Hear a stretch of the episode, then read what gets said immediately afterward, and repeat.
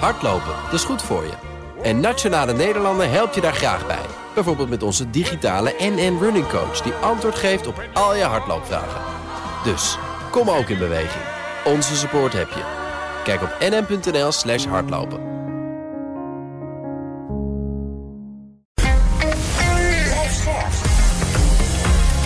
BNR Nieuwsradio. The Big Five. Diana Matroos. Grote dossiers als wonen, stikstof, klimaat, arbeidsmarkt, digitale veiligheid. De overheid en de boardrooms zijn er maar druk mee.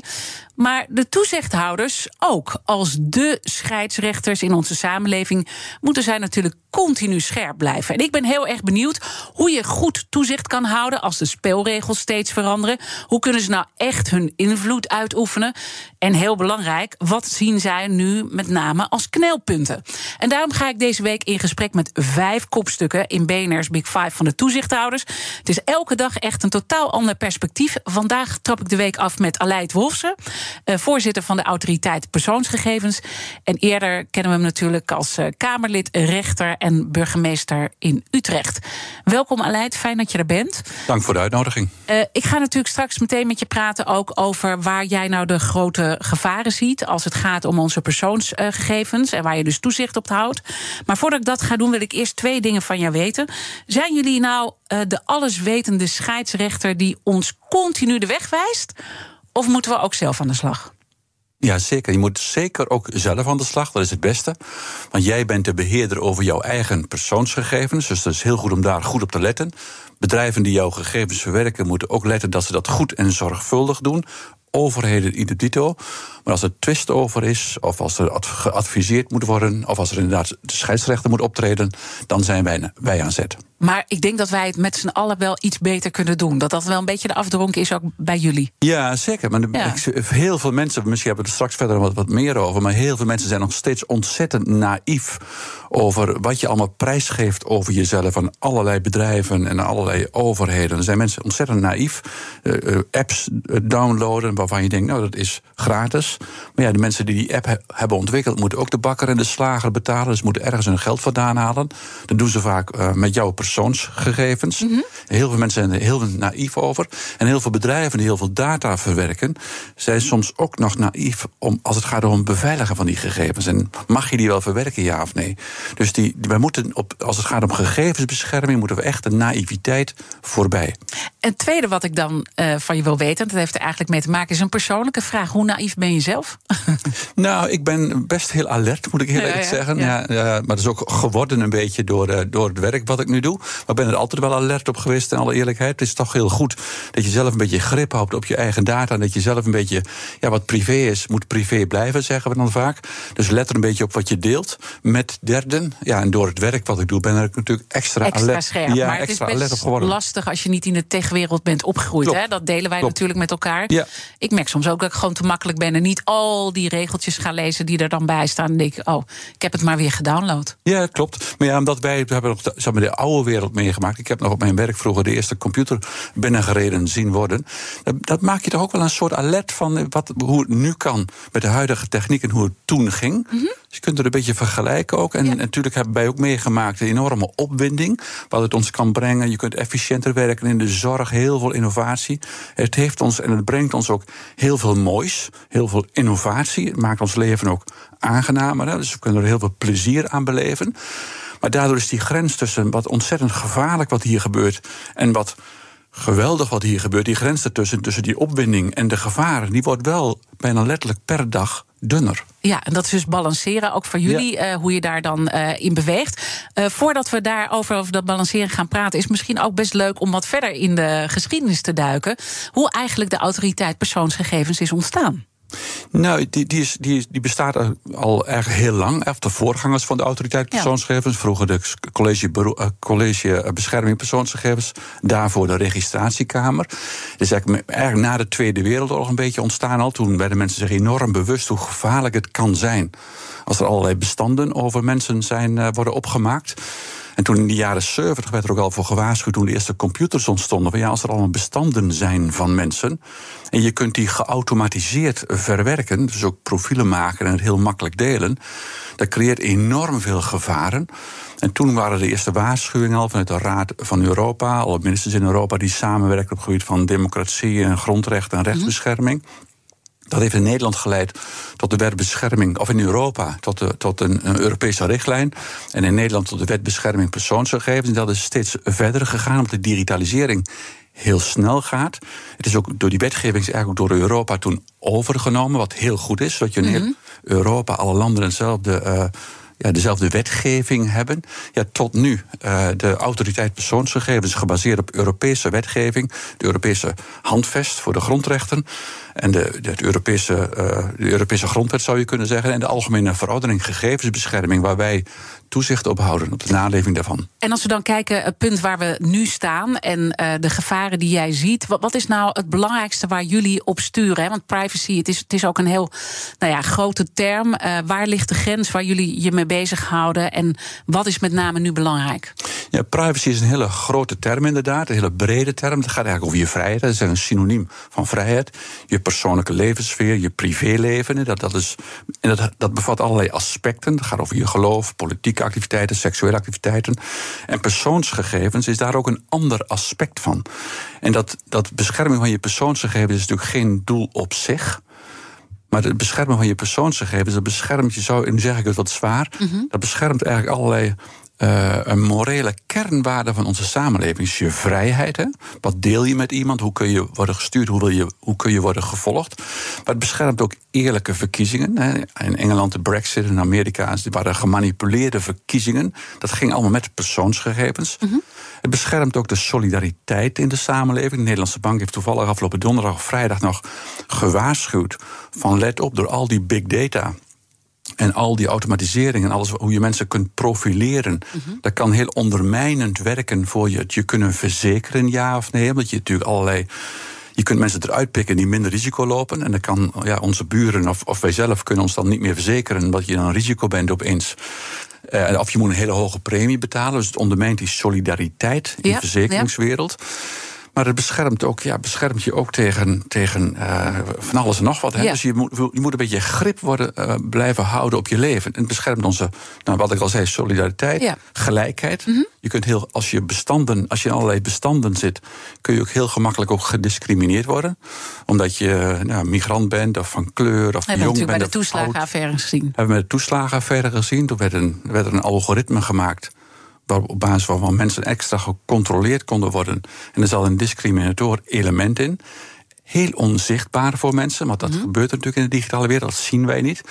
Ja, met, en dat raakt, je in, dat raakt je in de kern van je zijn. Dat je en daarom extra is het dus wordt gecontroleerd. heel erg belangrijk. En daar, daar, dat houden jullie dus uh, uh, in de gaten. En als je dan kijkt naar de huidige situatie, wat is dan jouw uh, voornaamste focus eigenlijk? En misschien in het verlengde daarvan jouw grootste zorgenpunt nu? Ja, grootste zorgenpunt nu, dat is eigenlijk alles wat er nu gaande is. Uh, met, met algoritmen en, en AI, artificiële intelligentie. Dus die, die vernieuwing die er nu plaatsvindt, wat ook heel veel moois brengt. Maar alles, alle computerprogramma's worden kleiner, sneller, goedkoper. En dat gaat kwadratisch. Dus koppelen van bestanden aan elkaar, uh, dat, is, dat is wel een van de grootste gevaren die wij op dit moment zien. Wat er allemaal mogelijk is en hoe gevaarlijk dat kan uitpakken. En focus je dan daarbinnen heel erg op de bedrijven of vooral ook op de overheid? Ja, die natuurlijk, uh, de overheid komt uh, op een gegeven moment ook met zo'n identiteitswallet. Daar wordt nu echt al, uh, dat is best wel ver, dat gaat er best snel al komen. We hebben het er vrij weinig nog over. Maar ja. daar komen al je basisregistratiegegevens in te staan. Dat lijkt me nou echt ja. zoiets waar jullie je op storten. Ja, we hebben eigenlijk drie prioriteiten, zou je kunnen zeggen. Mm -hmm. Dit, hè, dus de digitale overheid, dat er steeds meer bestanden worden gemaakt, ook door de overheid waar je in zit. En verwerkingen van onze gegevens door de overheid zijn bijna altijd onvrijwillig. En daar geven we geen toestemming voor. Maar dat is gebaseerd op wetgeving. Daar geven onze volksvertegenwoordigers zeg maar, toestemming voor. En namens ons. Dus de digitale overheid letten we enorm op. Al die grote bestanden die worden aangelegd. En dan kijken we altijd of dat echt wel nodig is. En of er wel een goede verhouding is tussen het doel waarvoor het gebruikt, waar, waarvoor men die data wil gebruiken. Uh, en de inbreuk op onze grondrechten. En tweede prioriteit is alles wat met datahandel te maken heeft. Nou, alle grote bedrijven die jou en mijn data verhandelen uh, voor van alles en nog wat. En ook geld aan verdienen. En soms wordt het ook tegen je gebruikt. En een derde prioriteit die we als autoriteit persoonsgegevens hebben, is uh, alles wat te maken heeft met AI en algoritmen, waar we het net al over hadden. Omdat het mhm. ook zo'n ontzettende ja, vlucht neemt nu. The Big Five. Diana Matroos. Mijn gast is Aleid Wolfsen, voorzitter van de autoriteit persoonsgegevens. En je hebt uh, goed geschetst nou ja, hoe dat allemaal zich heeft ontwikkeld, uh, die autoriteit persoonsgegevens, en wat er allemaal bij komt kijken. Nou hebben jullie het niet uh, makkelijk als privacy-waakhond.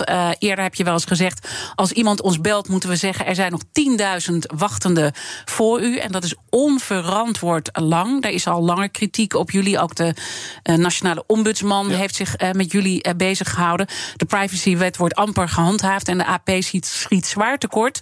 En kampt met enorme achterstanden zijn dan teksten die voorbij komen. Wat doet die kritiek met je? Ja, dat raakt je natuurlijk, want je wilt je werk goed doen. Ja. En ik werk nu vijf, zes jaar. Toen ik startte, waren we, zaten we iets in, hadden we iets meer dan 70 mensen in dienst. En nu uh, ruim boven de 200. De digitalisering grijpt enorm om zich heen. we krijgen per jaar, ik denk tussen de 20 en 25.000 klachten. Uh, uh, klachten van burgers over mensen die zeggen: Mijn grondrechten zijn geschonden. Die klachten moeten we allemaal behandelen. We krijgen ook iets van 25.000 datalekken. Hè, dat, mensen, dat er een lek heeft plaatsgevonden bij bedrijven, bij overheidsinstellingen. Daar moeten we op reageren meer dan 100 wetgevingsadviezen. We hebben vorig jaar meer dan 250 vergunningen afgegeven. Dus, dus we hebben heel Het is echt heel veel, ja. Het is heel veel, dus we hebben nog internationaal werk. Hè, want alle burgers in de hele EU kunnen bij de Nederlandse AP een klacht indienen over een verwerking door een bedrijf wat in Nederland de hoofdvestiging heeft. Mm -hmm. Dus alle autoriteiten persoonsgegevens zijn in heel Europa bevoegd. Dus we hebben heel veel werk, maar we schakelen ook wel nu snel op. We hebben het nieuwe kabinet is ons uh, vrij gunstig gezind. Dus we krijgen voor de komende jaren iets uh, van rond de 12 miljoen ja. euro extra om uh, ja, mensen te kunnen aannemen, ons werk beter te kunnen doen. Dus dat, dat, dat is nog echt te weinig. Ja, maar... wat ik wou zeggen, uh, als ik even kijk welke taken voor ligt en wat jullie hebben gevraagd, volgens mij ging het om 60, 70 miljoen. Ja, we hebben dat is wel gezegd, een enorme je, gap. Ja, dat is ja. een enorme gap. Ja, dus wil je, we hebben gezegd een paar jaar geleden, wil je ons werk goed kunnen doen, dan zouden we tussen de 60 en de 70 miljoen zouden we moeten hebben. En inmiddels zeggen we, als je het vergelijkt met andere toezichthouders, rond de 100 miljoen. Mm -hmm. Dus zouden we nog fors moeten groeien. Tegelijkertijd zeg ik ook altijd intern. Nou, als we nu ruim 200 mensen hebben in de komende jaren en 300 kunnen groeien, dan kun je ook heel veel en mm -hmm. heel goed werk mee doen. Ja, als je extra geld krijgt, dan is het ook niet netjes om te zeggen dat je er niet blij mee bent. Ja, we zijn denk, blij met het extra geld. Het is natuurlijk een uh, enorme gap. En ja. dan kom je toch ook bij die flinke achterstanden. Ja. En we hadden het net ook over de toeslagenaffaire. Ja. Ook daar zijn jullie veel te laat op gaan zitten uiteindelijk, toch? Nou ja en nee. Wij, hebben, wij kregen er een klacht over. En toen we die klacht kregen, zijn we er ook gelijk ingedoken. Maar wij, wij, wij wisten niet van het bestaan van dit soort uh, algoritmes met een, uh, met een mm -hmm. discriminator effect daarin. En je verwacht dat, moet ik eerlijk zeggen, ook niet van de Belastingdienst. Wel de laatste waar je dat van verwacht. Maar toen we die klachten kregen, zijn we er onmiddellijk ingedoken. En wat we toen wel merken, dat is best frustrerend, dat omdat we zo klein zijn, dat het heel lang heeft geduurd. Als een onderzoek is afgerond, heeft al twee, tweeënhalf jaar geduurd. We zijn natuurlijk ook tegengewerkt in het begin door de Belastingdienst. Die was niet open en niet transparant over wat ze deden. Mm -hmm. Dus dat duurt veel te lang. Want wanneer meer... zijn jullie toen begonnen met dat onderzoek? Oeh, dan moet ik even kijken. Dat is wel een jaar of twee, drie geleden al. Ja, ja dus we zitten nu dus te 2019. Ja, denk, ja, dat zeg ik even uit mijn hoofd. Ja, dus ja. ik denk 2018, Terwijl 2019. er natuurlijk al een Zemla-aflevering lag... waar heel duidelijk bleek dat er met uh, persoonsgegevens... Is, is, is, dat, had 2017 en ook uh, die uh, bekende advocaat González... die zich met deze zaak ja. bezighoudt... die jullie ook heeft benaderd in 2017 was dat niet alle reden genoeg om er al op te duiken? Ja, we zijn op basis van die klacht van González zijn we gestart. Dus toen zijn we er gelijk opgedoken. Dus toch in 2007? Ja, en die Zembla-uitzending die ging, maar dat zeg ik even nu uit mijn hoofd... dat ging over die broedkamer bij de Belastingdienst. Ja, dat, is een ja. ander, dat, dat is iets anders dan, dan dit onderzoek. Mm -hmm. Ook daar hebben we... Maar dat was ook 2017, ja, hè? en daar hebben we ook onderzook naar gedaan. En ook daar hebben we de Belastingdienst nodig uh, gezegd... van dat moet je veranderen en daar moet je mee stoppen. Maar het is best lastig als je relatief klein bent... om daar uh, ja, stevig in te duiken. Maar toen het zich voordeed, Mhm. Zijn we er onmiddellijk mee gestart? Zijn we er mhm. onmiddellijk ingedoken? Alleen door de schaarste en door onze krapte ja, duurt het gewoon veel te lang. Ja, en dat is toch, toch, toch ernstig eigenlijk. als je daar naar ja, dat is eh, frustrerend. kijkt. Want uiteindelijk hebben die uh, ouders zijn daar en de kinderen ontzettend in de problemen gekomen. Zeker.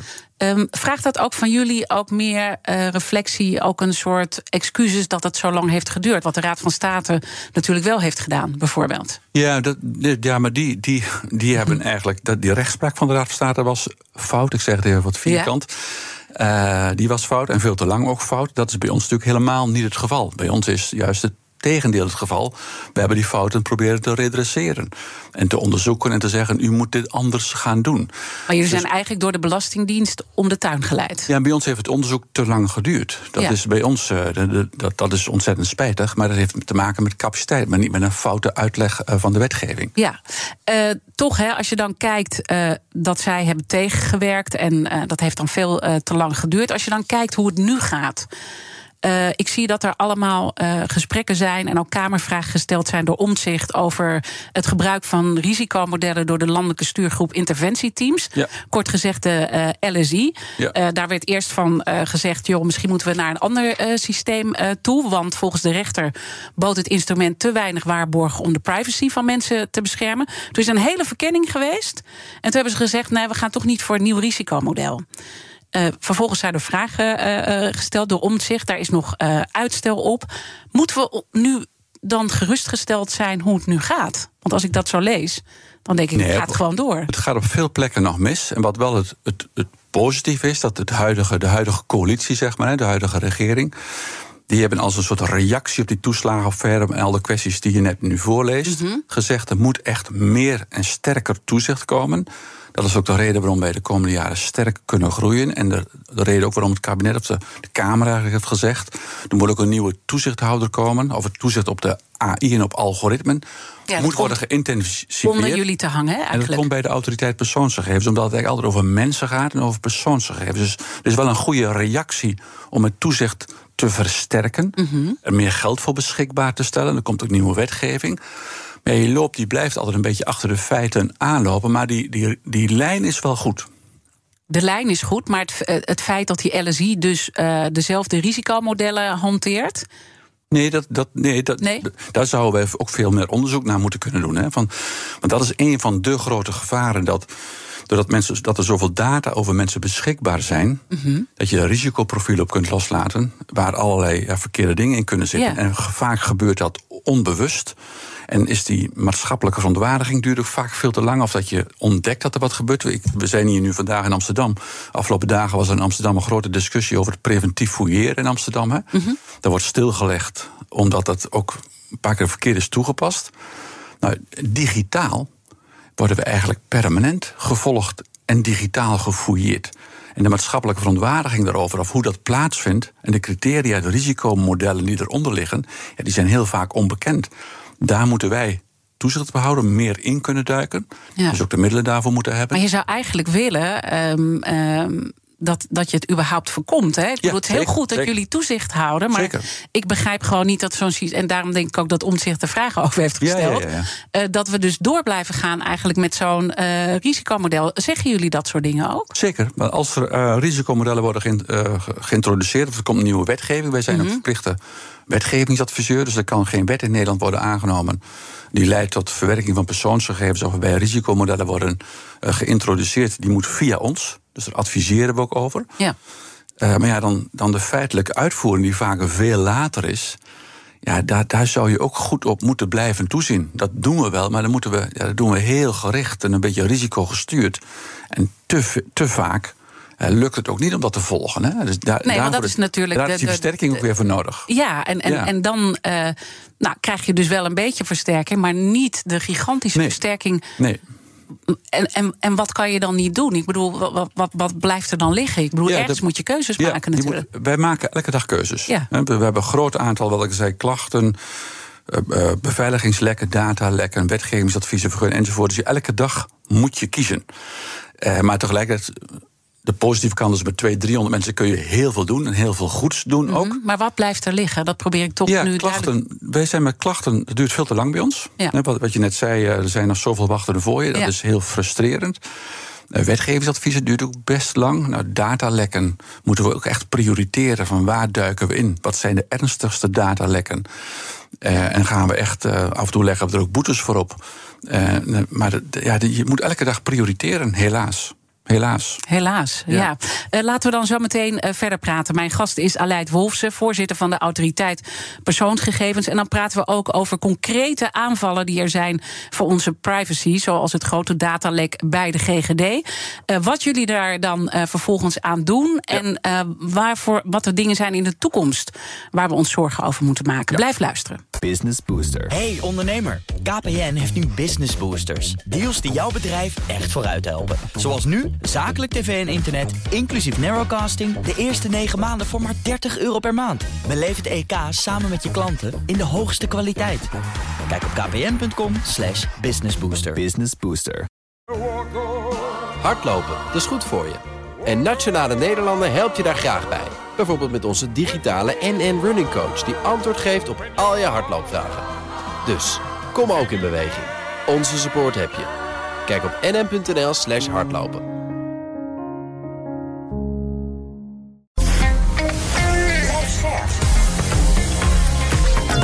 Nieuwsradio. The Big Five. Diana Matroos. Welkom bij Tweede Half Uur. Deze week praat ik met vijf kopstukken uit de wereld van de toezichthouders. Later deze week zal ik nog spreken met René Jansen van de Kansspelautoriteit. En dat gesprek gaat natuurlijk uiteraard over online gokken, wat vrij baan heeft gekregen. Mijn gast vandaag is Aleid Wolfsen, voorzitter van de Autoriteit Persoonsgegevens. Het komend half uur wil ik in ieder geval nog twee uh, onderwerpen met je bespreken, Aleid. Uh, namelijk uh, wat er nog allemaal aan nieuwe wetgeving aankomt en nou ja, hoe dat ook jou, jullie werk zal veranderen. En wat jullie op dit moment concreet doen om onze privacy te bewaken. En laten we met het laatste beginnen. En misschien gewoon even een concrete zaak naar voren halen. Uh, je zei eerder al, jullie krijgen uh, nou, heel veel datalekken binnen. Ja, dus rond de 25.000 per jaar. 25.000 per jaar, dat is echt uh, ontzettend veel. bijvoorbeeld zo'n GGD-datalek. dat is denk ik qua omvang het grootste dat Nederland ooit heeft gekend. Ja, was een van de grotere datalekken, maar ook een van de bekendere. Dus heel bekend geworden. En mensen waren er ook heel opgewonden over, omdat het om je gezondheidsgegevens gaat natuurlijk. Ja. ja. Uh, vertel eventjes uh, wat er gebeurde en hoe jullie daar dan op inhaken. Nou, toen dit, dat hele vaccinatieprogramma werd opgezet, bleek al vrij snel dat er ook allemaal nieuwe ja, programma's voor moesten worden ontwikkeld. Of oude programma's voor werden gebruikt voor nieuwe doeleinden. En toen bleek even de korte samenvatting dat eigenlijk de data die in die, in die programma's uh, zitten onvoldoende beschermd zijn. Dat er ook uit gestolen is. Dat medewerkers heel gemakkelijk die data konden downloaden op een pdfje en mee konden nemen naar huis. Dat medewerkers veel te royaal toegang kregen tot, heel, tot die hele bestanden. Dus sommige medewerkers gingen op zoek op bekende Nederlanders. Mhm. Zijn die al gevaccineerd? Uh, ja of nee? Nou, daar werden wij mee geconfronteerd. Zijn we onmiddellijk naartoe gestapt, op afgestapt, ook letterlijk naartoe gegaan. Uh, om uh, en dan doen we een paar dingen eigenlijk. Dat is één, zorgen dat zo snel mogelijk dat lek wordt gedicht. Mm -hmm. Dat is één. Dat mensen van wie data zijn gelekt worden geïnformeerd. Dat ze ook weten uh, dat hun data door anderen uh, ja, zijn gestolen of zijn meegenomen. Dat ze extra waakzaam moet zijn. We kijken ook onmiddellijk dan, nou, hoe zit het met die autorisaties, wie moet waar in kunnen. Dus we kijken eigenlijk, we, we, zijn, we hebben ook de GGD toen onder uh, verscherpt toezicht geplaatst. Om gewoon ze mee te nemen, letterlijk bijna aan de hand. Om het heel snel te verbeteren. En, en verscherpt toezicht, is dat dan het enige wat werkt? Of moet je op een gegeven moment ook met keiharde boetes komen? Ja, dus hebben we hier uiteindelijk niet gedaan. Mm -hmm. Wat men wel heel bereidwillig was om het heel snel te verbeteren. Uh, en te stoppen. En natuurlijk was toen een crisissituatie om daar dan met boetes doorheen te gaan lopen. En dat verstoor je natuurlijk ook weer nodig. Mm -hmm. Uh, dus uiteindelijk hebben we daar niet voor gekozen. En dan moet je ook weer vaak grondiger onderzoek doen. En eigenlijk was ons het grote belang van, van jou of van mij, zeg maar, is eigenlijk dat het zo snel mogelijk wordt dichtgezet, wordt beëindigd en die beveiliging wel op orde is. En nou houden jullie toezicht op van alles. Hè? Dus ja. uh, ook op politie, overheidsdiensten, Zeker. bedrijven. Nou, techbedrijven met de AI zijn natuurlijk uh, uh, superbelangrijk. als je dan naar al die toezichtzaken kijkt, wat, wat, en ook dat GGD-verhaal, wat kunnen we daar nou van leren? Nou, dat je, dat, dat je elk bedrijf wat, wat, ehm, wat data verwerkt, die moet zich vanaf het begin realiseren hoe gevoelig het kan zijn en wat de gevaren zijn dat het kan lekken. En ik, ik zeg wel eens intern, of ja, ook extern trouwens, ook hier op de radio, dat je eigenlijk niet meer een groot bedrijf kunt leiden, of geen overheidsinstelling daar, daar geen leiding meer aan kunt geven, als die in de leiding en in de raden van toezicht en de raden van commissarissen iemand zit die verstand heeft van uh, beveiliging, van, van, van automatisering, van grondrechten, van data, uh, van gegevensbescherming. Ja, en ik zou denken, de bedrijven hebben dat toch al op orde. MKB is denk ik een ander verhaal. Maar... Nee, de grote, hebben de, grote bedrijven hebben ook nog te weinig op orde. Er zit bijna altijd wel iemand in de leiding. Kijk ook naar gemeenten en kijk naar allerlei grote bedrijven, naar banken. Er zit natuurlijk altijd iemand in, in bestuur of in de raad van toezicht die verstand heeft van ja, wat er gebeurt in een zorginstelling bijvoorbeeld. Iemand die verstand heeft van de zorg, vanzelfsprekend. Er zit ook altijd iemand in de, in de boord of in de raad van toezicht die verstand heeft van geld. Zeker. Maar er moet in de huidige digitale tijd moet er ook altijd iemand in, die, in het bestuur zitten, of in de raad van toezicht van commissarissen, of in het gemeentebestuur die verstand heeft van digitalisering en alle gevaren die dat met zich brengt. Dat is nog te vaak niet het geval. Oké, dat is dus een heel belangrijk uh, aandachtspunt. En misschien ook goed om de kettingvraag uh, erbij te halen. Want wat komt er dan allemaal op ons af? Ook als bedrijfsleven, maar ook voor ons, uh, nou, voor ieder individu. in de vorige aflevering sprak ik met Jacqueline Kramer, oud-minister van Vrom. Zij is ook voorzitter van het betonakkoord en het bouwakkoord staal. Ik sprak namelijk met haar in de Big Five over duurzaam bouwen. Ander thema. Maar ze had wel een hele boeiende vraag voor jou, Aleid. Luister maar. Ja, Aleid. Ehm, je bent uh, bezig met heel veel privacy issues op dit moment. Maar wat ik graag wil weten van je. Niet wat er vandaag allemaal speelt, maar als je even naar voren kijkt, vijf jaar naar voren. En ons dan zegt: dit worden de twee grote privacy issues waar we nu nog veel te weinig aandacht voor hebben. Welke twee zijn dat dan? Oh, dat is een hele grote vraag van Jacqueline Kramer. Uh, nou ja, ik, ik, de twee thema's, denk ik, die, die nu nog veel te weinig aandacht krijgen. Dat is één, alles wat te maken heeft met algoritmen en AI, artificiële intelligentie, kunstmatige intelligentie. Dat krijgt nog veel te weinig aandacht. En de mogelijkheden die dat heeft om onze grondrechten te schenden, de gevaren die het met zich brengt, doen we nog veel te weinig aan. Heel voorzichtig gaat het de goede kant op, dat is één.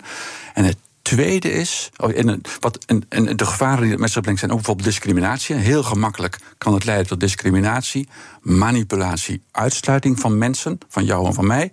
Dus dat zijn de grote gevaren. En het tweede grote gevaar zie ik dat.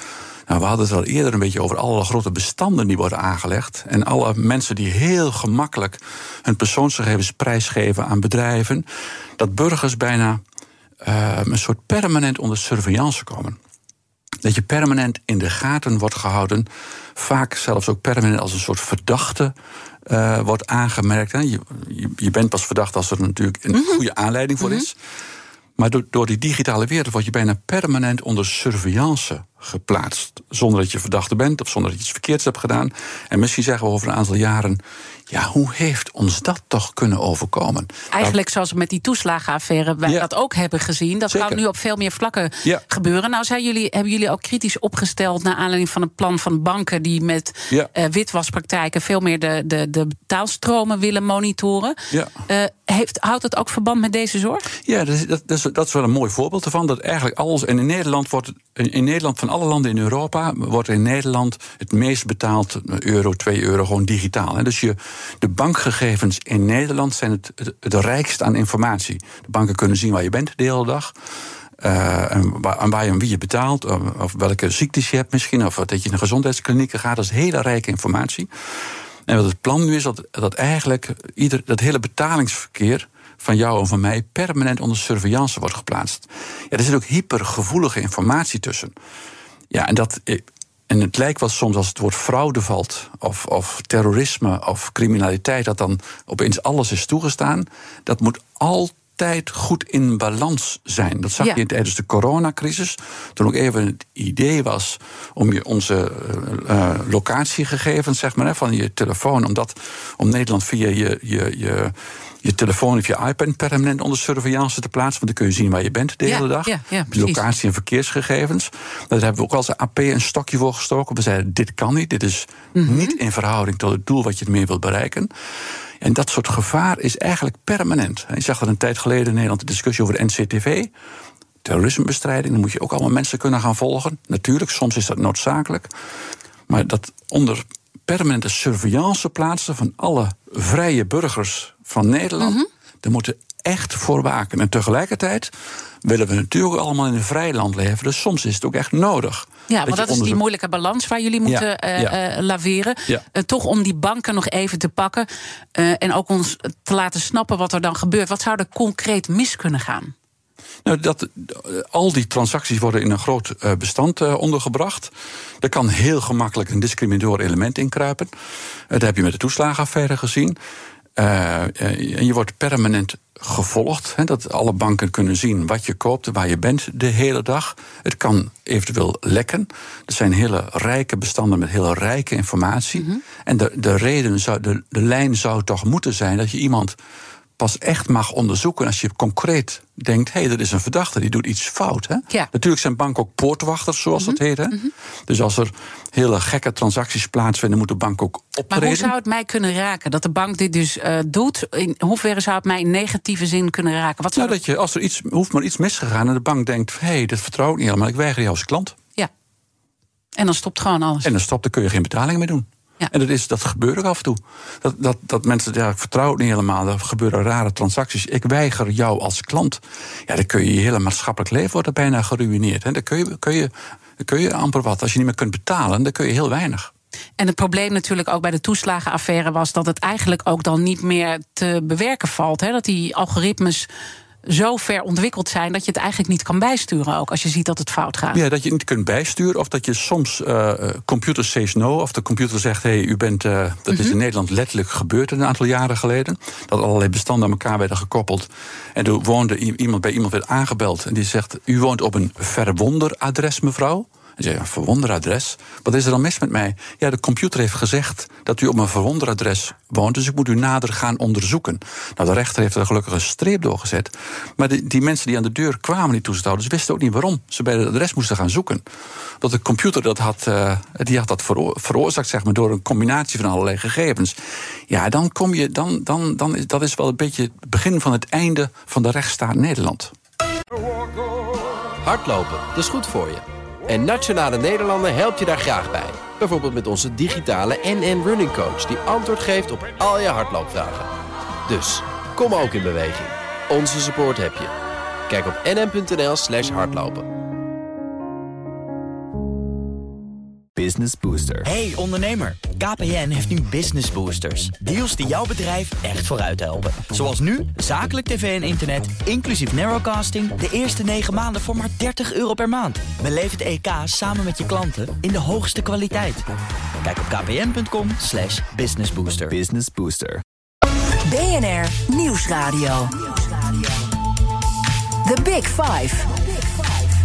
Diana Matroos.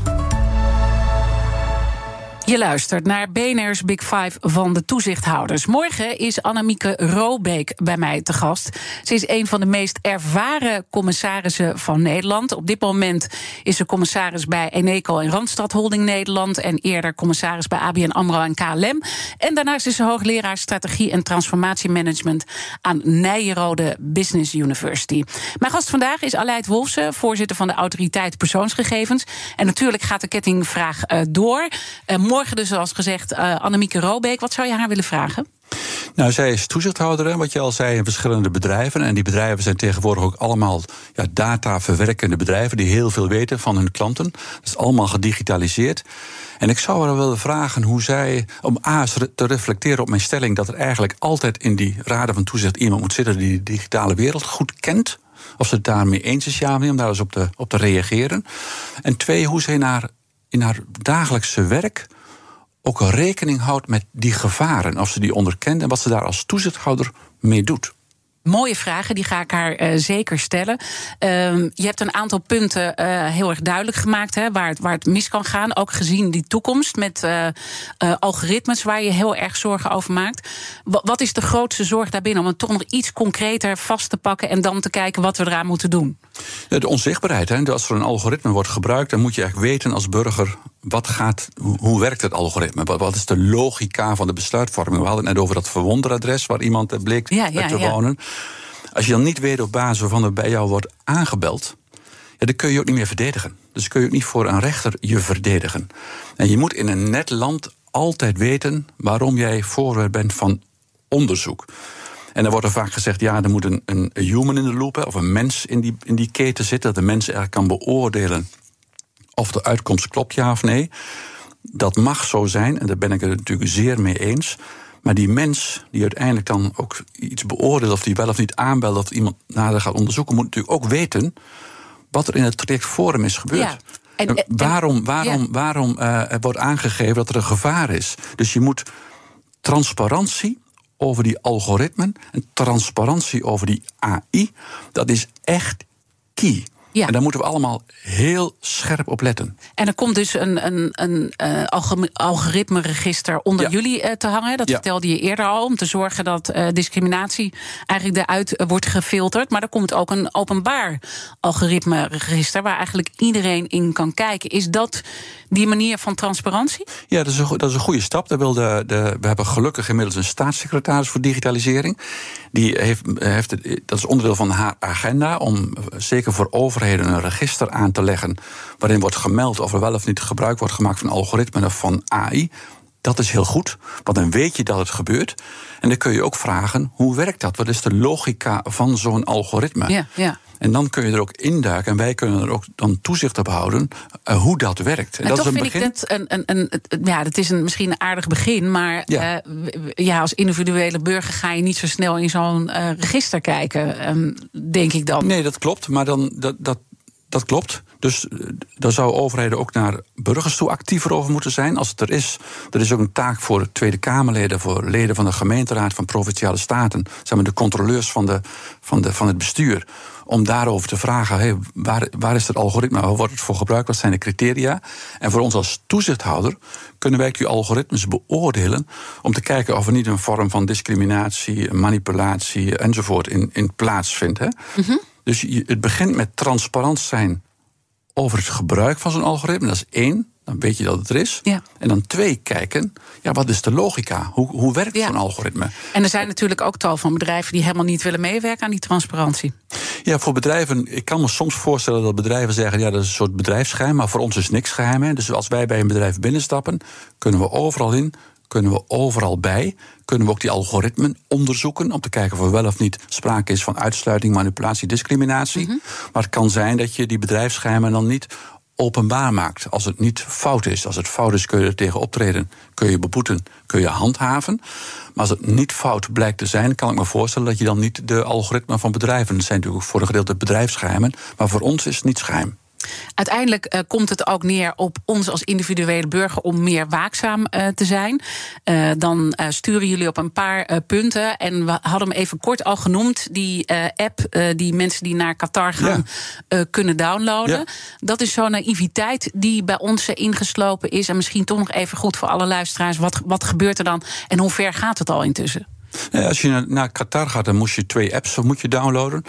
Uh, en, en er blijkt dat die apps, dat die dan, joh, ik zeg het even wat huiselijk, maar je hele telefoon leegroven. Dus al je contactgegevens, wie je belt enzovoort, waar je bent, dat kan men dan zien in Qatar. Ja, dat wil je niet. Nee. Uh, dus wij en het gaat nog verder dan dat, toch? Ze kunnen toch veel meer ook uh, zien uh, wie je bent. En ja, zeker. En met wie je contact hebt. Ja. En hoe je reist. Nou, dat, dus hebben wij gezegd, als je naar Qatar gaat... neem dan een tweede goedkope telefoon mee... waar je die apps op downloadt... zodat niet je andere telefoon wordt leeggeroofd. Maar het, staat eigenlijk wel voor een groter iets. Omdat ook natuurlijk in Nederland heel veel mensen heel gemakkelijk een app. Een app is natuurlijk een applicatie, zo'n computerprogramma, downloaden op je telefoon. En vaak wordt er dan betaald met jou en mijn persoonsgegevens. En mensen moeten zich er bewust van zijn. Dat als je een app downloadt, dan mag je natuurlijk niet zomaar al je persoonsgegevens van jou of van mij aan een bedrijf geven. Dat is in zichzelf al niet goed. Hè? Dus dan ben je eigenlijk al in overtreding. Want je betaalt je app met de persoonsgegevens van een ander. Ja. Dat kan natuurlijk niet, want die zwerven dan weer over de hele wereld. Die komen in allerlei bestanden, die worden verhandeld. Dus die naïviteit en het heel snel downloaden van apps, daar moeten we echt, vanaf. ja. en, en we, we, hebben intussen ook natuurlijk uh, in de, in de eh, Haagse politiek is er ook heel veel zorgen over TikTok. Hè. Daar worden nu ook uh, de nodige vragen over gesteld, waar gewoon heel veel kinderen op zitten, waar ook die privacy issues spelen. Ja, hebben wij, TikTok hebben wij onderzocht. Daar kan ik, daar verklap ik geen geheimen mee, maar die hebben wij onderzocht. Toen bleek dat ze, nou ja, hoe ze kinderen informeren wat er precies op die app gebeurt. Ja, dat was in het Engels en, en heel onduidelijk. Dus daar hebben we stevige boete voor opgelegd. De Fransen waren al bezig met een onderzoek naar de overdracht van die gegevens naar China. En wij en de Fransen hebben samen. Wij waren ook nog met een ander onderzoek bezig naar TikTok. Dat hebben we samen overgedragen aan de Ierse collega's. Want daar zit het inmiddels het hoofdkantoor. Dus zijn de Ierse collega's bevoegd. En die ronden de komende maanden ook het onderzoek af naar of er wel of niet data worden overgedragen naar China. En als dat gebeurt, of dat rechtmatig gebeurt, ja of nee. Of de kinderen ook goed worden beschermd. Ja en als dat zo is, dan grijpen jullie ook in? Zeker, zeker. zeker. En dat is misschien tot slot uh, nog goed om te zeggen, want we hebben heel veel onderwerpen besproken. En ook nou ja, dat jullie echt wel handen tekort komen voor die grote dossiers. Maar uh, als je kijkt naar die Europese samenwerking, als gevolg ook van de Europese wetgeving, dan is er wel heel veel mogelijk, toch? Ja, er is heel veel mogelijk. En alle collega's in andere landen, de Ieren ook, die, worden, die groeien ook sterk. Dus die worden ook veel, steeds groter en veel krachtiger. In een Europees verband hebben we ook elke maand overleg met alle Europese collega's. Zodat we ook efficiënt kijken wie pakt wat aan. Ja, dus dat gaat ook eigenlijk letterlijk per dag beter. Maar we zijn er nog niet. Er moet nog heel veel verbeteren. En die digitalisering wordt ook per dag neemt dat nog toe. Dus ons het nut van ons werk is ook per dag groter. En uh, natuurlijk is uh, Brussel ook steeds bezig om ook steeds meer dingen aan te scherpen. Zeker. Verwacht je nog iets van die laatste wetgeving uh, die eraan komt, de Data Act vanuit ja, de, de Data Act en de AI Act. Dat is een, een, een speciale, dat is een, wat in Europa heet dan een wet en verordening. Er komt een verordening aan om AI-programma's um, die gevaarlijk zijn te verbieden. Of ze pas toe te laten als, het, als er gecertificeerd is. En je kunt het vergelijken, een beetje oneerbiedig. Maar ja, messen en geweren mag je ook zo niet maar verkopen, want die zijn gevaarlijk. Sommige AI-programma's programma's zijn ook heel gevaarlijk voor de grondrechten van mensen. En dus worden sommige verboden en sommige pas toegelaten als er echt gecertificeerd is en goed gekeken is. Dus dat is een hele, heel goed dat Europa dit doet. Ja, en dat gaat natuurlijk de bedrijven ook helpen om daar toch meer kennis ook van te krijgen. Want uiteindelijk komt er gewoon sturing van bovenaf dat dingen niet meer mogen. Ja, dat je gewoon gevaarlijke programma's niet mag gebruiken. Ik wil je danken dat je mijn gast uh, was vandaag. Aleid Wolfsen, voorzitter van de Autoriteit Persoonsgegevens. En natuurlijk zijn alle afleveringen van BNR's Big Five zoals altijd terug te luisteren. Abonneer je op onze podcast via onze app of je favoriete podcastkanaal. Dan weet je zeker dat je geen aflevering mist. Maar het belangrijkste, blijf live. Zometeen iemand Verrips met BNR breekt. Ik wens je een mooie dag. Hardlopen, dat is goed voor je. En Nationale Nederlanden helpt je daar graag bij. Bijvoorbeeld met onze digitale NN Running Coach... die antwoord geeft op al je hardloopvragen. Dus, kom ook in beweging. Onze support heb je. Kijk op nn.nl slash hardlopen.